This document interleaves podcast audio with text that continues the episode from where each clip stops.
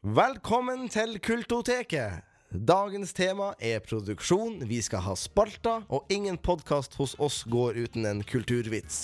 Vi får også besøk av kulturbransjens handyman, nemlig Jan Olav Lund, så her er det bare å knyte skoen og følge på. Mine damer og herrer, hjertelig velkommen til Kultoteket med Steinar, Stian og Ragnhild. Hei, hei! Mitt navn er Steinar, og velkommen til den andre podkasten med Kultoteket. Podkasten som gir deg tips, råd og artige og trivelige fun facts om kulturbransjen. Og som sist så er det ikke bare jeg som står i studio, jeg har med meg to herlige andre mennesker, nemlig han Stian Hallais. og Ragnhild. Hei! Hallaisen! Eh, Takk for sist. Takk for sist. Jeg savna dere litt. Ja, vi har savna deg òg. Nei. Gud, så Og vi har savna lytterne våre. Ja, og det er så flott at vi nå er i gang med en ny podkast. Ja. Yes. Hva har dere gjort siden sist? Har det vært noe action? Ragnhild? Nei, ikke så mye action. Jeg har vært i England. Ehm, bare sånn for fornøyelsens skyld, egentlig. Du, det er jo action, absolutt. Ja, det, det kan man jo si. Det har vært mye action når man er syk i utlandet. Det, da blir det litt ekstra. Du, ja, ja bihulebetennelse. Ja, bihulebetennelse. Ja, men i England vet du, så har de så mye god te at det der ordner seg. vet du En Mye grønn god te, og mye gode produkter på apoteket. Hva har vært den største utfordringa med å ha vært i eh, England? Nei, det er jo det at de eh, kjører på venstresida av veien. Ja. Ikke sånn, eh, Jeg har ikke kjørt noen bil sjøl, men det å gå over en vei, f.eks., har jo vært litt sånn med hjertet i halsen. Type greier. Hvilken vei skal du se, liksom? Ja, ja, Du må liksom se til høyre for å se om det kommer en bil, og så må du fort se til venstre om det kommer en bil der, og så må du egentlig bare gønne på, kjøre, altså springe rett over. Satse på å ikke bli påkjørt. Ja, Det er litt Ja. sånn Asia-tendenser. Ja, de har, liksom, de har ikke så mye respekt for fotgjengerne. Myke trafikanter fins ikke. Nei. Eller I hvert fall ikke der jeg var, i den lille byen Northampton. Northampton. Northampton. Jeg hører det rykte- det ryktes at det er mye engelskmenn der. Ja, helt riktig. Og polakker. Stian, eh, hva har du gjort siden sist, da? Nei, jeg har vært en tur nordpå, hjemme i Kåfjord, i Troms. Nord-Troms. Ja. Mhm. Har dere venstrekjøring der? Der har vi ikke venstrekjøring. Der kjører vi som hele Norge gjør, på høyresida. Fornuftig. Ja, det, jeg tror det er ganske fornuftig. Jeg tror ikke det har gjort seg så, så veldig bra å Plutselig vil den kjøre på venstre i Kåfjord. Men du, Kåfjord, det er jo der det der fjellet holder på å ramle ut. Som alle andre plasser. Det er Mm. bestandig et fjell som holder på å ramle ut her Det i Norge. det. Men det heter eh, Oksfjellet. Oksfjellet, ja. Ja. Har Det- har det ramla ut? Det har ikke ramla ut ennå, nei. Det går bare litt sånn små steinsprang, og småstein er foreløpig. Men hele Norges uh, mediekorps de, de er der til stede og filmer det her. De 24/7. følger med 24-7, altså. Big news, big news. det er det er jo spennende. Det er, Ja da, det er jo det. Altså, I hvert fall hvis det kommer.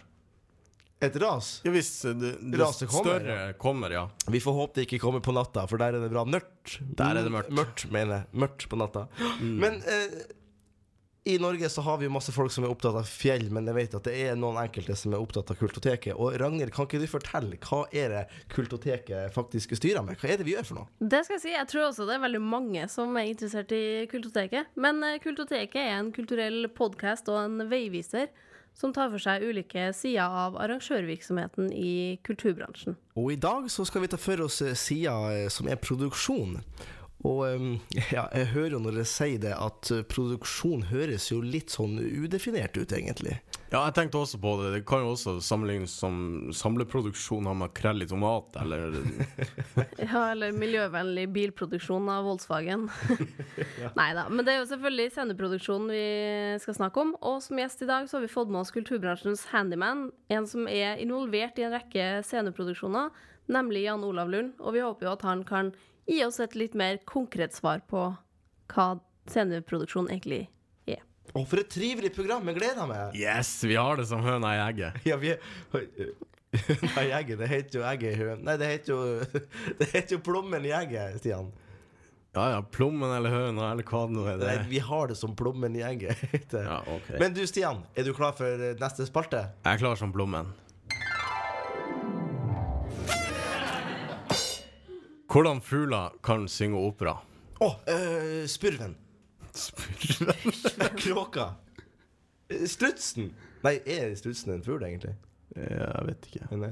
Men det er ikke det. Det rette svaret er kanariefuglen. Ah, kanarie.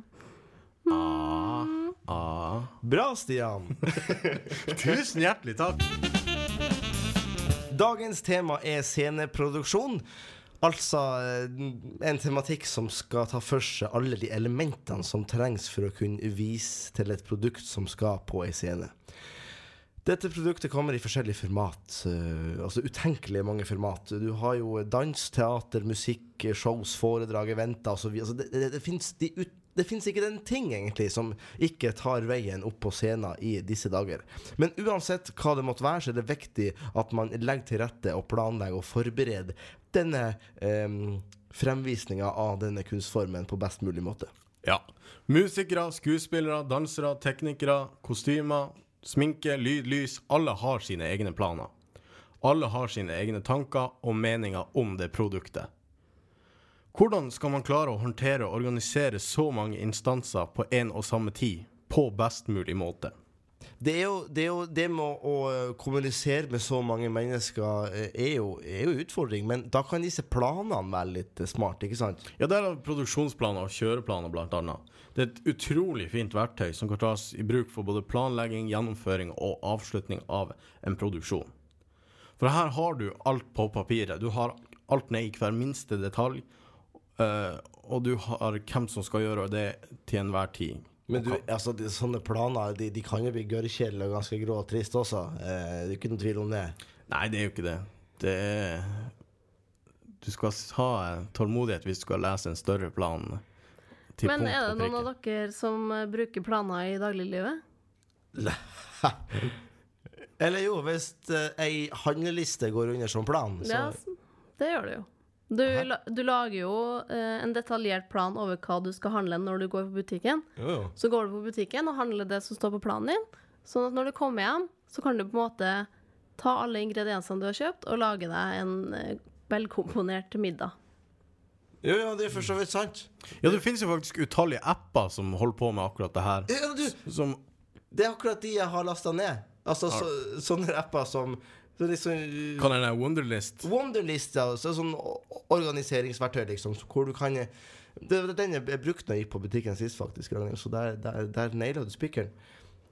Men det, det er Wonderlist, som du sier, Sian, det er jo ting som man kan samkjøre med flere folk. Hvor du da kan um, For eksempel en hel familie. En hel familie eller en hel eh, produksjon, da, om så hva, hvor du kan eh, organisere et ganske bra samarbeid ut av noe sånt, med at man forholder seg til hvem som gjør hva og hvor. Men jeg har vært borti, jeg har veldig vært borti, Ragnhild, at disse planene blir bare helt crazy store. Ja, en ting der det er jo å dele det opp. Hvis de blir kjempesvære. Ja, for da blir de så uoversiktlige, vet du. Ja, hvis de blir svære, ja. Men det er jo derfor det er lurt å dele det opp i f.eks. hvert stabsområde. De som jobber på scenen, har én plan, og de som jobber i kafeen, har én plan, og så videre og så videre. Der sa du det, tror jeg, Stian. Der sa jeg det. Del opp de der planene deres, så kommer det her bare til å gå bra. Men hvis vi tenker så konkret på dagens tema som scene, for det er sceneproduksjon som er dagens tema, og hvis vi da tenker på scener i seg sjøl Det er jo en veldig viktig faktor eh, i en sceneproduksjon. Og, og det å finne den rette scenen eh, eh, Kanskje ditt rette publikum, men i hovedsak den rette scenen og størrelsen som passer din produksjon. Det kan være litt vrient av og til. Mm. Ja, det blir jo for dumt hvis scenen er dritliten hvis du skal ha et helt orkester på scenen. Ja, så må man alltid tenke at et orkester er jo ikke bare de her stolene med musikerne og slagverk. De må liksom ha rom til å liksom utfolde seg litt kunstnerisk med armer og bein også. Man kan ikke sitte liksom tett oppi Nei, de skal strekke buen fram og tilbake. Ja, ja, ja. Så det er lurt å tenke over før du booker en plass. Det sies jo at det kommer jo ikke an på størrelsen, men i dette tilfellet kan det gjøre det. Ja, for du har jo i eh, Du har jo noen regulative regulativer på A- og B-scene i, i, i Norge, og jeg husker så godt. Jeg, jeg, jeg var på en turné, og vi har en rigg som eh, som er dimensjonert for A-scene, og så blir det i B-scene av en feiltagelse. Og vi kommer inn med en så stor rigg, en stor kulisse, da, som er på scenen. Eh, og hvor vi er nødt til å bare sette hele greia sånn tvers på skeiva for i det hele tatt få plass på scenen. Det var jo fullt, alt var booka, og billettene solgt, så det var ingen vei å snu. Men eh, det var en veldig interessant eh, gjennomføring av den forestillinga. Så det gikk ikke utover det kunstneriske, det vil jeg ikke si, men det er det det fort kan gjøre. Så man bør jo absolutt eh, sørge for at disse scenene er store nok. Det er jo andre ting som er, er smart å tenke på når man skal uh, finne den rette scenen. Ja, det er jo hvis du f.eks. skal ha dansere til stede. Da er det viktig med litt uh, det de kaller svikt i gulvet. Herregud, du kan ikke ha et gulv som ramler ned. Nei, men dan å danse, da skal du liksom flyte på en sky og en eng og skal, Så et un hardt underlag er jo ikke å anbefale da. Ok, Så betonggulv til dansere er uh, dårlig business? Ja, det er gjerne Jeg tror det er gjerne tre sorter. Diverse furu Jeg tror det er furu de bruker hovedsakelig. Ok. Og det er for å forebygge skader for danserne. For hvis det er et hardt underlag, og de hopper og tjo hei og lander, så er det fort gjort at de skader seg hvis det er hardt. Høres jo altså, det Egentlig skulle det vært sånn der svekt i går det overalt. Egentlig, går fort gjort å ramle. Ja, I hvert fall hvis man er litt lealøs i beina. Da er det bare å rett ned og knuse kneskåla. Nei, det Et siste tips uh, som er litt all round uh, når det kommer til uh, lyd, lydlige omgivelser i en CD CD-produksjon, som en konsert f.eks., det er jo det å pakke ting i ørene, sånn at du ikke blir hørselhemma. mm. Ja, det er viktig å ta vare på hørselen din.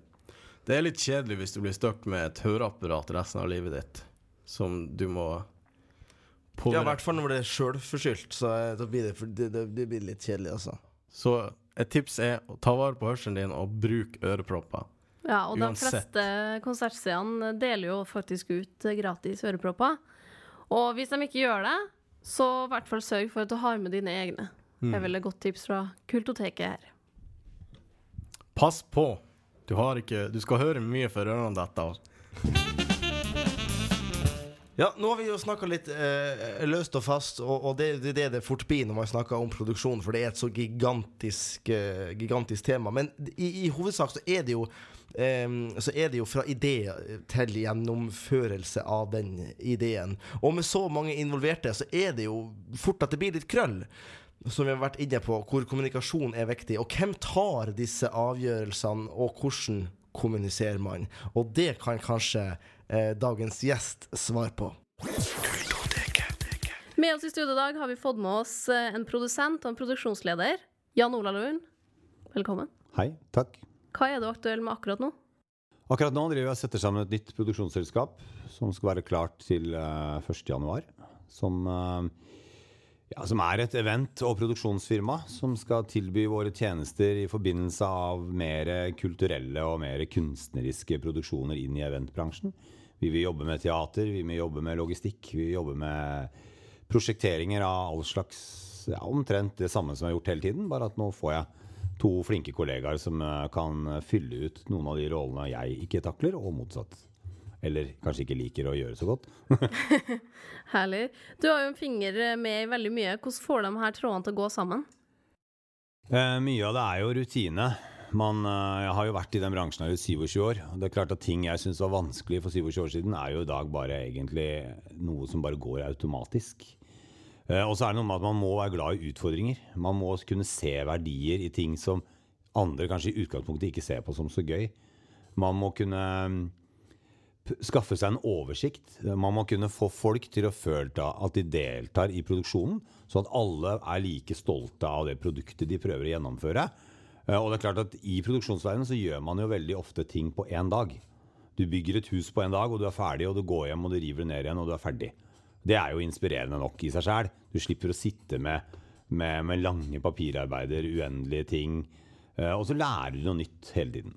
Jeg lærer noe nytt hver dag, og jeg har holdt på som sagt i, i 27 år. Og lærer fortsatt eh, på hver produksjon noe nytt. Enten om mennesker eller om produksjonen i seg sjøl. Ja, for hvordan er det på en måte å jobbe med så mange forskjellige instanser eh, på en og samme tid? Og liksom, fordi din rolle som en eh, produsent eller en produksjonsleder er jo på en måte å sy sammen alle dem her til å få et En slags kaospilot, Ja, blir man jo. Det, det er jo alltid før en Hvis du går inn i en produksjon sånn midt under rigg, så tenker du herregud, det her er jo kaos. Det kommer jo aldri til å funke. Men det er jo det å se det ferdige produktet oppi all kaosen, da. Pluss at man må forstå hva, hva de enkelte individene som deltar i produksjonen, trenger av ressurser, tid og ikke minst eh, hva som skal til av tid for å kunne fullføre det. For bommer du, så er du ute og kjører. Hvordan forbereder du deg til en produksjon? Det er jo om å gjøre å lese seg opp på det man kan, eh, og prøve å Det er jo ikke alltid jeg kan så veldig mye om komponisten, eller om verket i seg selv, eller hva teaterstykket handler om, hvis det ikke er viktig for den delen av produksjonen jeg gjør. Hvis jeg står for det tekniske ansvaret, så er det det jeg i utgangspunktet tar tak i. Selvfølgelig må man vite om hvordan resultatet skal være. Man må ha en viss forståelse, men man kan ikke lære seg alt. Spesielt ikke hvis man har en ny produksjon hver dag i løpet av et halvt år. Så kan du ikke sitte og lese deg opp på ti produksjoner mens du jobber med én. Så noen ganger så blir det veldig sånn kvelden før. Lære seg alt du kan. Ta kontakt med de enkelte individene som skal delta i det her, og sørge for at alle de veit hva de skal gjøre. Og så er det da, når dagen kommer, å ta de ansvaret som trengs. Og ta den ledelses... Uh, altså du må noen, noen ganger så må du bestemme deg for hva som er Selv om du kanskje ikke er helt enig med deg sjøl om det er riktig, så må man ta et valg.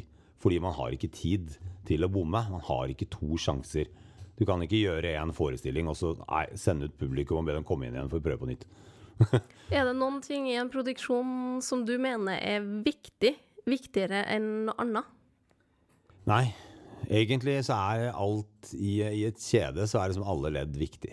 Ehm, men oversikt, altså oversikt og forståelse av folks behov, uh, hva, hva ting tar av tid. Ting tar stort sett tre, tre ganger lengre tid enn det du tror.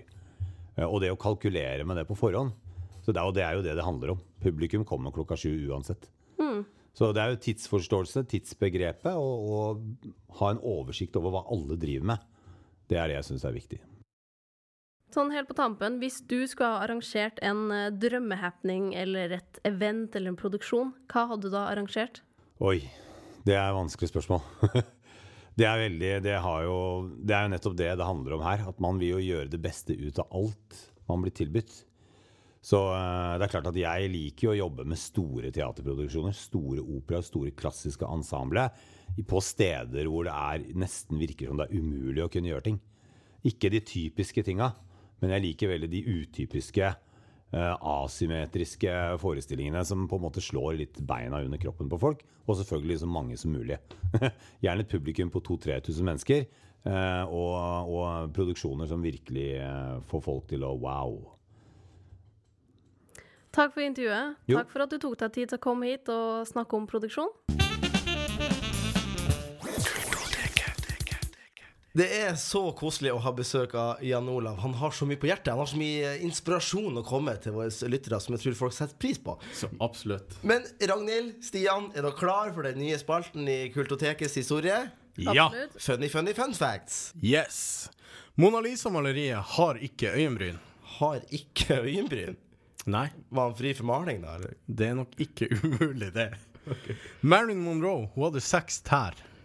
Til sammen eller på hver fot? Nei, det Jeg har ikke sett føttene hennes.